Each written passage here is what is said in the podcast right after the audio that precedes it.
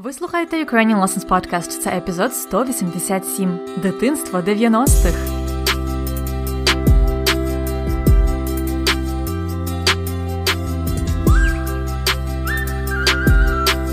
Привіт-привіт! Це Анна і ще один епізод подкасту Уроки української. Це подкаст для всіх, хто вивчає і любить українську мову. І сьогодні я вирішила поділитися з вами спогадами з мого дитинства. На мою думку, у мене було дуже звичайне, типове дитинство в маленькому українському місті у 90-х роках. Тому я подумала, що вам може бути цікаво почути кілька моїх спогадів та історій. Починаємо відразу. Мабуть, в усіх є спогади про дитячі роки. Сьогодні я поділюся з вами своїми, але відразу хочу сказати, що це тільки мої спогади, і в усіх вони будуть різні. Як ви розумієте, спогади можуть нас підводити. Тобто буває так, що ми ніби пам'ятаємо щось, віримо, що так точно було, а насправді так не було. Це просто ілюзії. Також я не хочу порівнювати своє дитинство з дітьми сучасними чи дітьми 21 століття. Насправді, я погано собі уявляю ситуацію, яким зараз є дитинство в Україні. Бо у мене поки що немає близьких друзів з дітьми, тому я просто не знаю. Отже, я буду говорити просто про себе, про свої спогади і намагатимусь не порівнювати це ні з чим. Тож, так, я народилася на початку 90-х у 1991 році. Тому можна вважати, що я дитина 90-х. Хоча частина мого дитинства також проходила на початку 2000-х. Тому мій досвід е, буде вже не таким, як, скажімо, в тих, хто народився всередині 80-х і все своє дитинство провів у 90-х. Отже, почнімо з загального стилю життя моєї родини. Моя сім'я завжди жила в квартирі. Це квартира, яка розташована на третьому поверсі п'ятиповерхового будинку у центрі міста Полонне. Наша квартира трикімнатна, тобто це одна вітальня, дві спальні і кухня. Але Можна сказати, що всі кімнати досить маленькі, і всього площа квартири десь 60 квадратних метрів. І у цій квартирі на початку 90-х е, жили моя мама, тато, а також бабуся і дідусь, батьки моєї мами, і я. Трошки пізніше мій дідусь помер, але народився мій молодший братик. Тому в квартирі ми завжди жили в п'ятьох. Це була досить типова ситуація, незважаючи на те, що мої батьки і бабуся працювали, мали досить нормальну роботу, все одно вони жили в досить маленькій квартирі всі разом.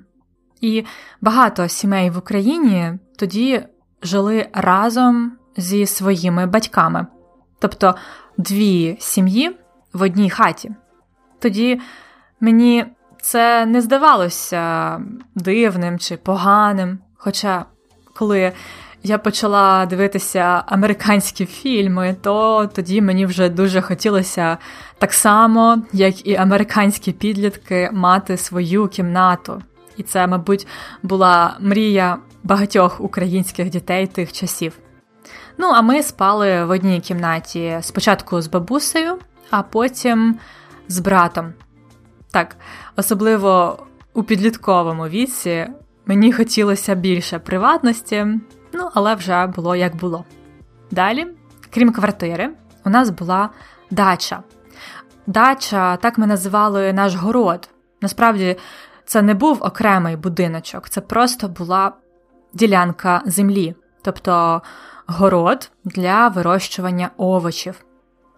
У 90-х в маленьких містах і селах всі дуже серйозно сприймали город. Тобто люди садили овочі, особливо картоплю, щоб мати урожай на цілий рік. Мабуть, е, в 90-х е, особливо важливо було розуміти, що родина сама себе може забезпечити їжею. І тому багато людей, крім городу, мали також свиню, корову, курей. Наприклад, моя інша бабуся жила в хаті і мала свійських тварин. Або, як ми говорили, хазяйство, тобто город, тварин. А ми жили в квартирі і тільки могли мати великий город. Фактично, ми ніколи не купували картоплю, а самі її вирощували. І це насправді дуже багато картоплі на весь рік, десь 50 чи 70 великих таких мішків картоплі. І е, ми їли тоді картоплю практично щодня. Але це дуже смачно, правда? Тому багато моїх спогадів з дитинства також пов'язані з оцим періодом посадки і копання картоплі. Тоді це був такий спеціальний день, коли ми їхали на весь день на город і садили або копали картоплю. Оскільки це дуже багато роботи, то нам завжди хтось допомагав. Це були або наші родичі, або сусіди. Наприклад, сестри моєї бабусі чи двоюрідні брати і сестри моєї мами. А потім, коли вони садили картоплю, тобто наші родичі, то ми їм допомагали. Крім картоплі, ми, звичайно, вирощували інші овочі: це буряки, моркву, помідори, огірки, капусту і ще багато чого. Зараз мої батьки набагато скоротили цей процес і вирощують е, вже не так багато картоплі, але більше різноманітних овочів, наприклад, салат. Отже, багато моїх літніх спогадів пов'язані з городом, але також з річкою, яка була недалеко від городу, і ми там купалися. Крім того, в нас е, в нашому дворі було багато дітей. Тобто це діти, які жили в нашому будинку або в сусідніх будинках. І влітку ми весь час з цими дітьми проводили час на вулиці. Що ми робили там? Ну, дуже часто ми грали в карти. Це були різні ігри. У кожному дворі біля таких будинків є лавочки і столики. Так от ми любили там сидіти і балакати, грати в карти і їсти соняшникове насіння. Це такий, мабуть, е, улюблений український снек. А ще ми дуже любили грати в наклейки. І це таке вже дуже особливе хобі дітей 90-х. Наклейки це такі стікери, можна сказати, маленькі кольорові папірчики, які можна наклеїти, приклеїти. І ці наклейки продавали разом з жуйками. Жуйка, або, як ми казали, жувачка це chewing від слова жувати, to chew, жуйка. Пам'ятаю, можна було такі жуйки купувати поштучно, і вони були на різні теми. Наприклад, жуйки про монстрів або жуйки з акторами. І там була не тільки жуйка, але й наклейка, де був якийсь монстр чи якийсь актор. Були різні теми. Одна така жуйка коштувала 10 копійок. І пам'ятаю, мама нас часто з братом посилала по хліб, тобто ми щодня ходили в магазин купувати хліб. І мама давала нам гроші на хліб, і ми купували його, а на решту купували жуйки. Завжди було дуже цікаво побачити, що ж там всередині, яка там буде наклейка. Далі ці наклейки ми збирали, тобто колекціонували і обмінювалися ними. Ну, а основна гра полягала в тому, що ми сідали на лавочці в дворі, часто там, де є стіл, і грало дві людини. Кожен кладе одну наклейку на стіл, і далі ця пара грає у чувачі, тобто камінь, ножиці, папір, rock, paper, scissors, камінь, ножиці, папір. Той, хто виграє, буде ходити першим. І ідея в тому, щоб так вдарити по наклейках долоною, щоб їх перевернути. Якщо виходить тобі перевернути наклейки рукою, то ти забираєш їх собі. І так можна було багато виграти або багато програти наклейок. Саме ця гра мені сильно врізалась в пам'ять, хоча, звичайно, було багато інших ігор. Взагалі, в дворі, на вулиці ми багато чого робили, багато про що дізнавались, особливо від старших дітей. І інколи ми також робили халабуду, такий міні-будиночок, халабуда. Тобто будували з гілок дерев е, таку хатку і потім там сиділи. Це було весело. Взагалі, так, у мене було багато друзів і в дворі, і в школі, але крім того, я любила проводити час сама, особливо взимку, або коли погана погода, то ти не так часто гуляєш, а сидиш вдома. Тоді я любила робити всякі штуки вдома. А ще я любила ходити в бібліотеку. В нас була і є зараз дуже класна дитяча бібліотека. І мені здається, я як зараз пам'ятаю той день, коли я записалась в бібліотеку. Ми прийшли туди з мамою, і я взяла свою першу книжку. І наскільки я пам'ятаю, це була книга Муха Цокотуха Корнія Чуковського. Звичайно, я можу помилятися, але саме так я згадую. Потім там мене дуже добре знали в цій бібліотеці, бо я приходила туди кілька разів на тиждень, досить часто, і там я любила роздивлятися, що в них є, які книжки. Особливо я любила журнали.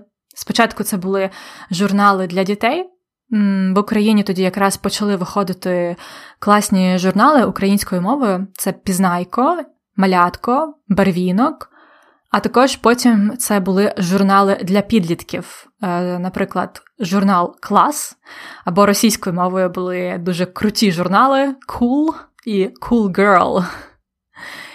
Я могла брати в бібліотеці ці журнали і читати їх вдома, так само книжки, і повертати їх назад. Як е, зараз я згадую, у нашому місті не було тоді так багато гуртків чи якихось клубів для дітей. Ну, тобто було кілька, але не так багато, як зараз, наприклад, в Києві. Тому вибір був невеликий. Але я ходила на аеробіку і на танці, наприклад, на класичні танці. Я дуже багато часу проводила на аеробіці. Ми там займалися фітнесом, а також готували різні виступи для концертів. Так, і ще два роки я ходила в музичну школу. Я вчилася грати на гітарі, але мені це перестало подобатись, особливо в школі мені не дуже подобався викладач, тому нормально грати на гітарі я так і не навчилась. На жаль. Насправді дуже багато часу ми проводили саме в місті вдома, а їздили кудись дуже рідко. І тому будь-які поїздки, які в нас були, мені дуже запам'яталися. Перша поїздка була в нас е, з батьками і братом в Крим, в Ялту. Це був перший раз, коли ми поїхали на поїзді. Ми тоді були ще дуже маленькі, і це була така перша подорож, але мені дуже запам'ятався той поїзд. І другий раз ми їздили на море під Одесу, але тоді я була вже старша. Також одного разу влітку, мені було тоді 11 років, я їздила в табір. Це була така знакова поїздочка, бо це фактично перший раз я провела два чи три тижні без батьків сама. Табір називався Орлятко, і він був досить е, недалеко від міста, але в лісі. Це такий був радянський формат табору. Я не дуже добре пам'ятаю, що ми там робили, але пам'ятаю, що спочатку там було дуже страшно, а потім дуже весело і не хотілося їхати додому. Ще я ось собі виписала кілька іграшок, які були популярні в наші часи. Тобто були, звичайно, класичні іграшки, звичайні, але потім почали з'являтися всякі такі цікаві штуковини, як, наприклад, тамагочі. Це таке яйце, яке треба було годувати. У мене його, правда, ніколи не було. Зате у нас було аж два тетріси. Це, мабуть, були наші перші комп'ютерні ігри. Далі було йо-йо, такий м'ячик на резинці, вони були дуже модні тоді. І ще одна популярна іграшка, яка була деякий час, це лазерна указка, така штука на батарейках, яка світить лазером. Лазерна указка. Навіть не знаю чому, але всі діти любили ними гратися. Ну і, звичайно, наше дитинство перевернулося з ніг на голову, коли нам з братом батьки подарували Денді, ігрову приставку. В Україні ми називали всі ігрові приставки переважно цим словом Денді, тобто ігрові консолі. І тут е, почалися часи, коли ми годинами сиділи перед телевізором щоб е, пройти до кінця Маріо 3 або позмагатися в танчики. На сам кінець згадаю про мультики та серіали, які ми дивилися. Я думаю, тут мені трошки пощастило, що я народилася саме на початку 90-х, бо поки я росла, почали з'являтися українськомовні канали, і багато мультиків почали перекладати. Звичайно, ми любили також дивитися радянські мультики, особливо на Новий рік це така традиція.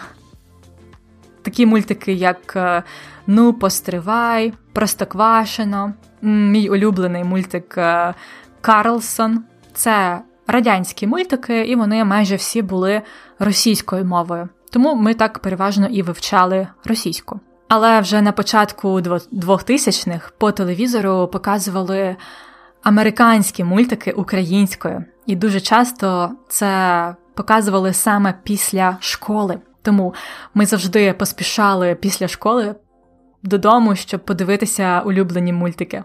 Найпопулярніші це, мабуть, були Вуді Вудпекер, Злюки Бобри, Невгамовні, Справжні монстри, Кіт Пес, також Сейлор Мун і Сакура це японські мультики. Пізніше також пішли американські серіали Беверлі Хіллз, Ганна Монтана. А ще ми з подругами дуже любили всі жінки відьми Charmed. Згадаю ще про музику. У нас був касетний магнітофон і кілька касет. Оскільки касети були досить дорогі, і вибір у нас в місті був невеликий, то ми часто позичали касети або записували пісні з радіо. А пізніше, вже в підлітковому віці, у мене з'явився програвач для CD, але проблема була в тому, що диски набагато дорожчі, ніж касети, тому в мене їх було теж небагато. Але золоті часи настали, коли з'явились комп'ютери, і можна було скачувати пісні з інтернету і записувати їх на диски. Але це вже зовсім інша історія. Як виявилось, в мене досить багато спогадів з дитинства, є про що розказати. Але на цьому я зараз зупинюсь, а наступного разу розкажу вам трошки більше про мої часи в школі, а також е, взагалі про шкільну систему в Україні.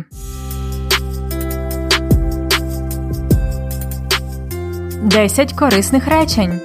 У цій рубриці я вибираю для вас 10 речень з моєї розповіді і аналізую їх детальніше. Повторюйте за мною, щоб практикувати вимову.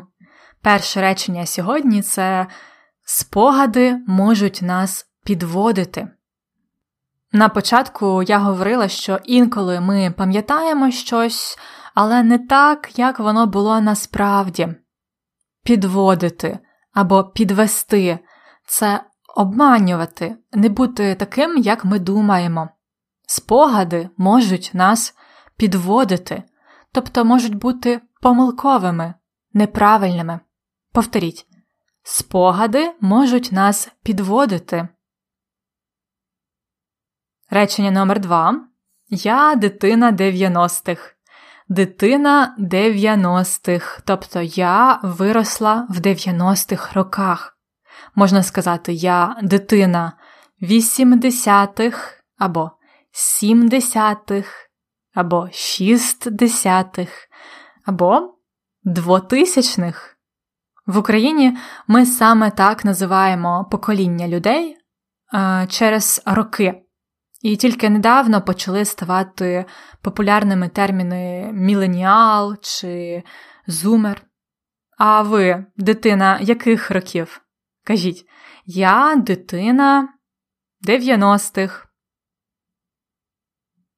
Далі речення номер 3 Площа квартири десь 60 квадратних метрів. Площа квартири це розмір квартири в квадратних метрах. Саме так ми вимірюємо розмір квартири. Площа квартири моїх батьків десь 60 квадратних метрів. Десь це те саме, що приблизно. Повторіть. Площа квартири десь 60 квадратних метрів. Наступне речення номер 4 Моя бабуся жила в хаті і мала свійських тварин. Моя бабуся жила в хаті, тобто в будинку, у приватному будинку. Так от, вона жила в хаті, і тому вона могла мати свійських тварин. Свійські тварини це ті, які ми тримаємо для їжі. Наприклад, кури дають їм яйця, корова дає молоко, свиня, м'ясо. Це такі популярні свійські тварини в Україні. Повторіть ще раз повне речення. Моя бабуся жила в хаті і мала свійських тварин. Наступне речення п'яте. Нарешту ми часто купували жуйки. Мама давала нам гроші на хліб. Ми купували хліб, а нарешту, тобто за гроші, які лишилися, ми купували жуйки. Нарешту ми також часто купували морозиво або чупа-чупс, наприклад. Купувати щось нарешту. Повторюйте. Нарешту ми часто купували жуйки. Наступне шосте речення. Ця гра мені сильно врізалась у пам'ять. Врізатись у пам'ять або сильно врізатись у пам'ять це дуже добре запам'ятатись. У кожного в житті є моменти, які ви дуже добре пам'ятаєте. Це моменти, які сильно врізались у пам'ять, залишились у пам'яті назавжди. Повторіть. Ця гра мені сильно врізалась у пам'ять. Далі речення номер 7. Я, як зараз, пам'ятаю той день, коли я записалась в бібліотеку. Це ще один гарний фразеологізм про пам'ять. Пам'ятати той день, як зараз, або як зараз пам'ятати той день.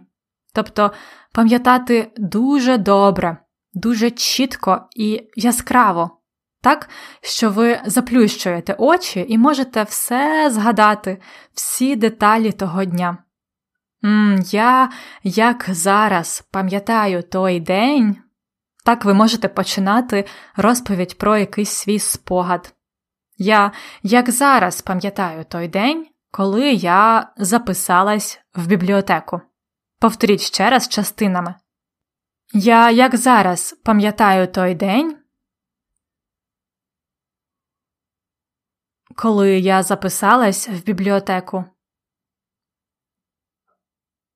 Речення номер 8 Нормально грати на гітарі я так і не навчилась. Я так і не навчилась. Я так і не зробила. Я так і не поїхала. Ми вживаємо так і, щоб наголосити на чомусь, що ми не зробили в результаті. Ви збирались щось зробити, але так і не зробили. Наприклад, я вчилась грати на гітарі, але покинула музичну школу, тож так і не навчилась грати на гітарі. Я навчилась трошки, але не нормально, погано. Повторіть. Нормально грати на гітарі я так і не навчилась. Наступне речення номер 9 Золоті часи настали, коли з'явились комп'ютери. Настали золоті часи або прийшли золоті часи. Це коли почалось щось дуже класне в історії. У цьому випадку з'явились комп'ютери. Повторіть, золоті часи настали. Коли з'явились комп'ютери. І останнє речення є про що розказати. Це типове речення, яке ми говоримо, коли у вас є якась історія чи багато цікавих спогадів, і ви можете сказати так, тут є про що розказати. Ви можете, наприклад, про когось сказати теж. Він е, жив 10 років в Африці, йому є про що розказати. Повторіть, є про що розказати. І це все на сьогодні.